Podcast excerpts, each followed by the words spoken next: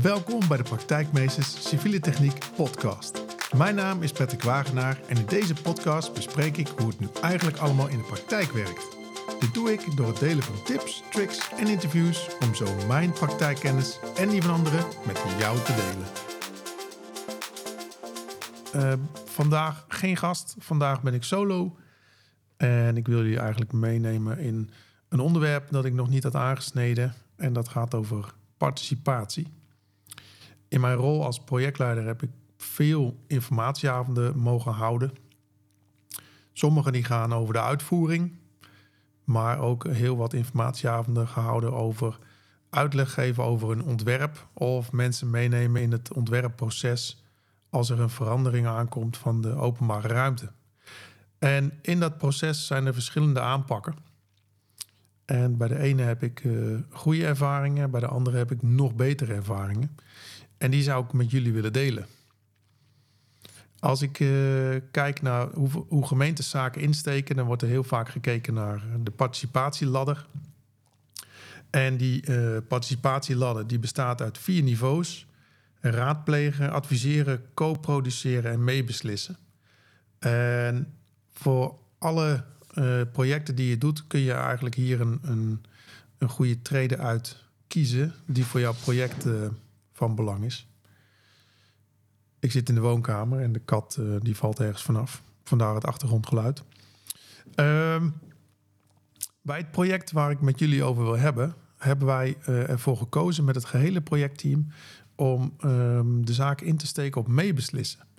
En het gaat om de wijk Nekkem die is enkele jaar geleden aangepakt in, uh, in de gemeente Montferland. En tijdens die aanpak hebben wij als projectteam gezegd: oké, wat kunnen we nou anders doen dan dat we normaal doen? En een van die zaken die we anders hebben gedaan is uh, de, uh, de planvorming. Hebben wij helemaal gedaan, eigenlijk in samenspraak met de bewoners van de wijk. En dat heeft uiteindelijk in zo'n gaaf resultaat, heeft het zo'n gaaf resultaat opgeleverd, dat ik dacht, ik wil het met jullie delen. Er zijn ook uh, legio-projecten waar er een vraagstuk lag, waarbij er eigenlijk geen ruimte was voor inbreng. Nou, dan krijg je vaak een proces dat er een ontwerpgang wordt gedaan. Alles wordt doorlopen en uiteindelijk komt er een, een schetsontwerp of misschien wel een definitief ontwerp, omdat er geen ruimte is dat wordt besproken op een informatieavond. Mensen kunnen misschien nog een zegje doen, maar er is niet veel ruimte om nog aan te passen. Dat wordt uiteindelijk verder uitgewerkt en uitgevoerd. Nou, in de wijk Nekkem uh, speelden heel veel zaken die, als we die los zouden moeten behandelen, eigenlijk niet op te lossen waren. Enkele voorbeelden daarvan is midden in de wijk zat een school en de achterkant van het schoolgebouw grensde ehm, midden in het centrum van de, van de wijk. En het centrum, daar moet je niet te veel bij voorstellen. Dat was eigenlijk een groen perk waar je met de auto omheen kon rijden. Uh, de voorkant van de school zat in uh, ja, een wijkontsluitingsweg. Uh, en de zijkanten, daar waar de ingangen waren, die zaten in, ja, in wat smallere wegen. En die smallere wegen die liepen iedere ochtend eigenlijk helemaal vol met ouders die de kinderen kwamen brengen met de auto. Heel veel fietsers ook door de wijk. Dus de mensen die in de wijk woonden, die zeiden eigenlijk ja in de ochtend of ik moet voordat de kinderen komen wegwezen, of ik kan pas als de schoolbel is gegaan, want dan is er weer ruimte om de wijk uit te komen. Nou, zo speelden er verschillende problemen, want de directeur van de basisschool die had zelf ook een probleem. Um, namelijk de bereikbaarheid van zijn school, daar waar de ouders ook last van hadden. Maar de uh, ruimte rondom de school was relatief beperkt. En daardoor hadden de, uh, de kinderen, met name van de bovenbouw, eigenlijk weinig tot geen uh, ruimte om te kunnen spelen in de pauze. Al die problemen en, en mogelijke oplossingen, die hebben wij op een hoop gegooid. En um, toen hebben we als projectteam is gedacht van oké, wat nu uh, als we dit helemaal gaan oppakken samen met de bewoners? En dat hebben we ook gedaan. We hebben een informatieavond georganiseerd uh, in de school. En op die informatieavond uh, stonden uh, verschillende collega's. Ik mocht er ook bij zijn. En we hadden voor alle straten in de buurt hadden we een flap over neergezet. En de mensen die binnenkwamen, die kwamen eigenlijk uh, al handen wrijvend kwamen ze binnen. En die zeiden, zo, waar zijn die plannen? Uh, toch wel met intentie om ja, de plannen misschien op voorbaat, bij voorbaat al af te kraken. Maar we hadden helemaal geen plannen.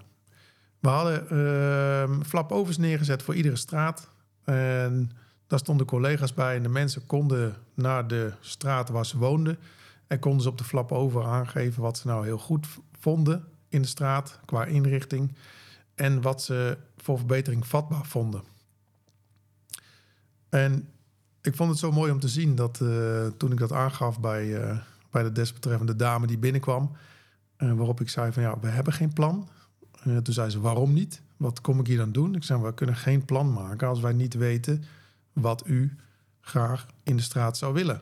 Wat vindt u goed? Wat vindt u minder goed? Wat, wat kan er verbeterd worden? En je zag dat de houding van die mevrouw eigenlijk uh, direct veranderde. Van enigszins met de hak in het zand naar... oh, dus er gaat naar mij geluisterd worden.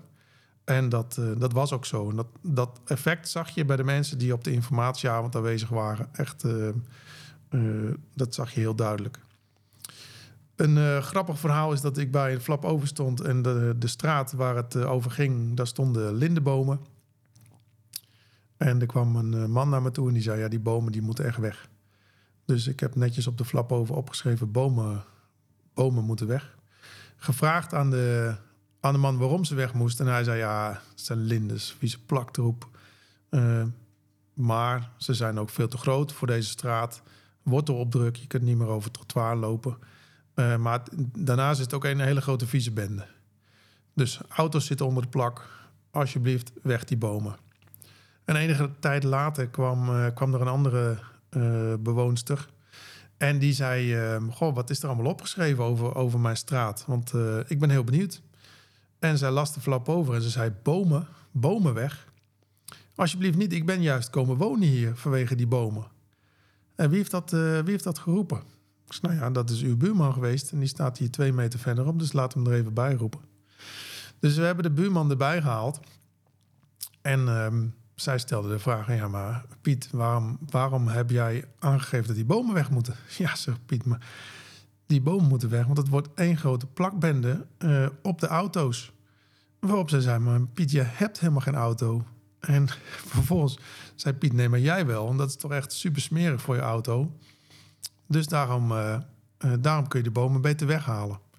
Nou, een mooi gevalletje voor we denken voor elkaar met de beste bedoelingen had Piet bedacht: we halen de bomen weg.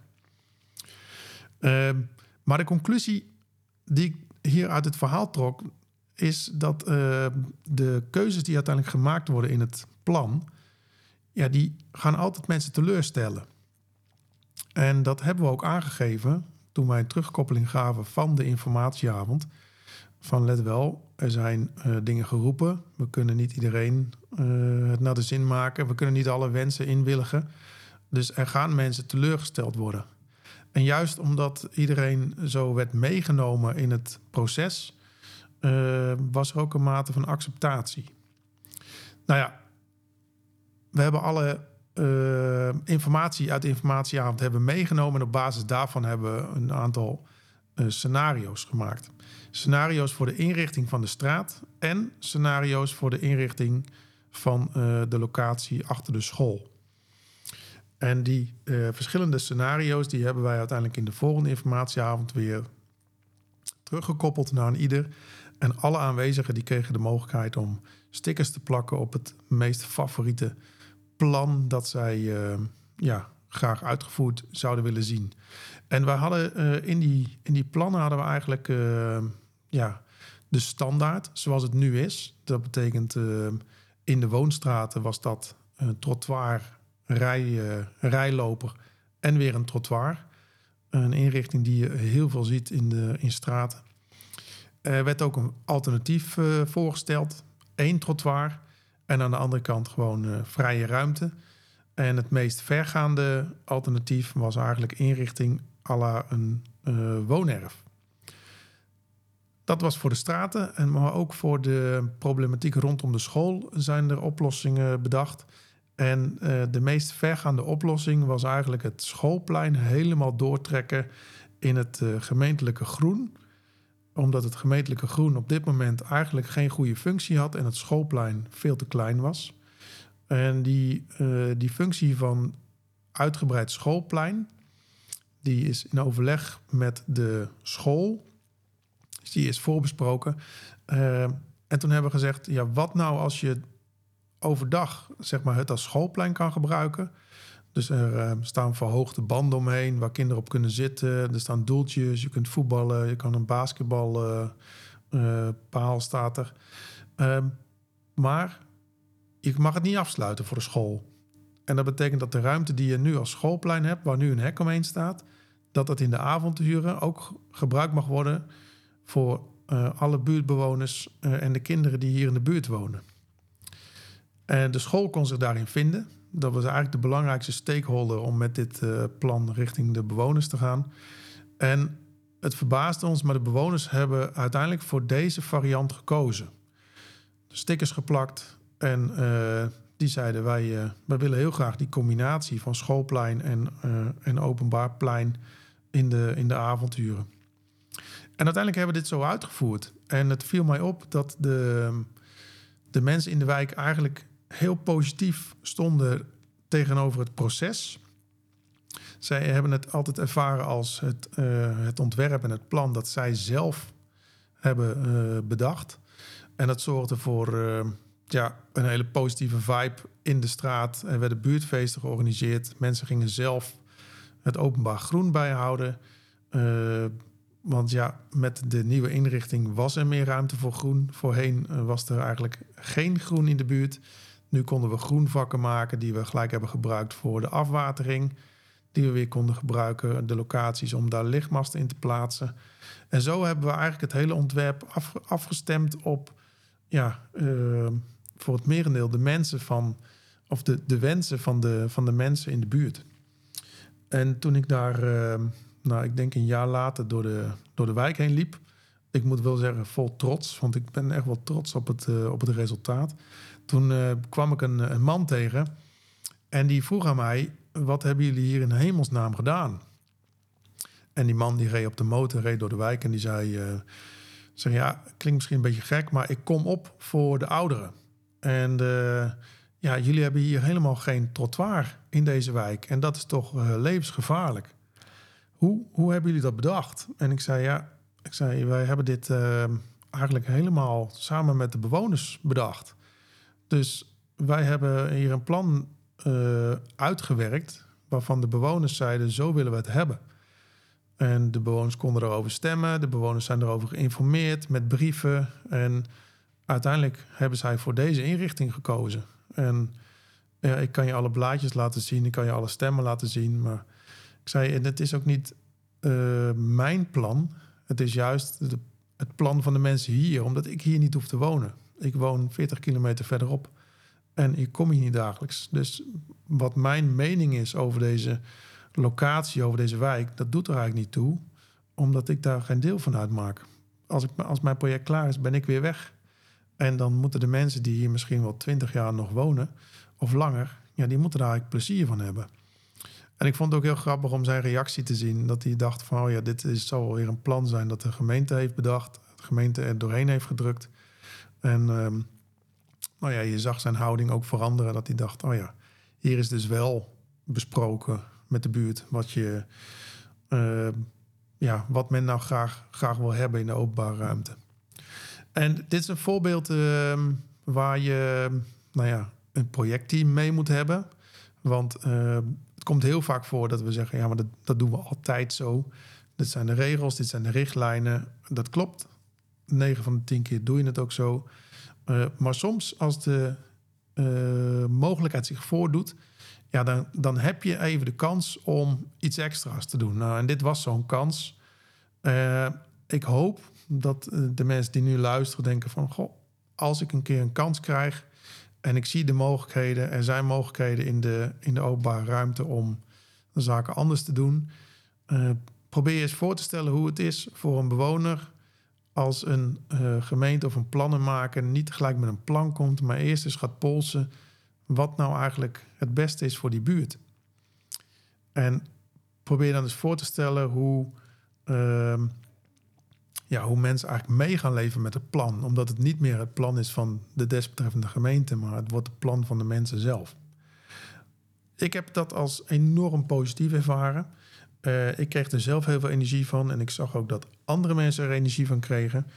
En toen dacht ik, ja, als we dan een, een onderwerp uh, willen aansnijden, ja, dan, dan, is dit wel een verhaal waar ik zelf uh, trots op ben. Een project waar ik trots op ben. En dat, nou, dat wilde ik met jullie delen.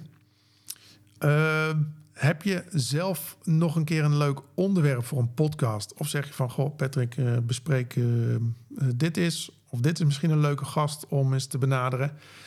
Stuur maar gerust een bericht via LinkedIn. Dat kan via Praktijkmeesters, maar dat kan ook via uh, mijn naam, Patrick Wagenaar. Of stuur mij een berichtje op www.praktijkmeesters.nl-podcast. Daar staat een contactformulier. Kun je wat, wat invullen. ik vind het superleuk om wat van je te horen. en ik zou zeggen, tot de volgende week.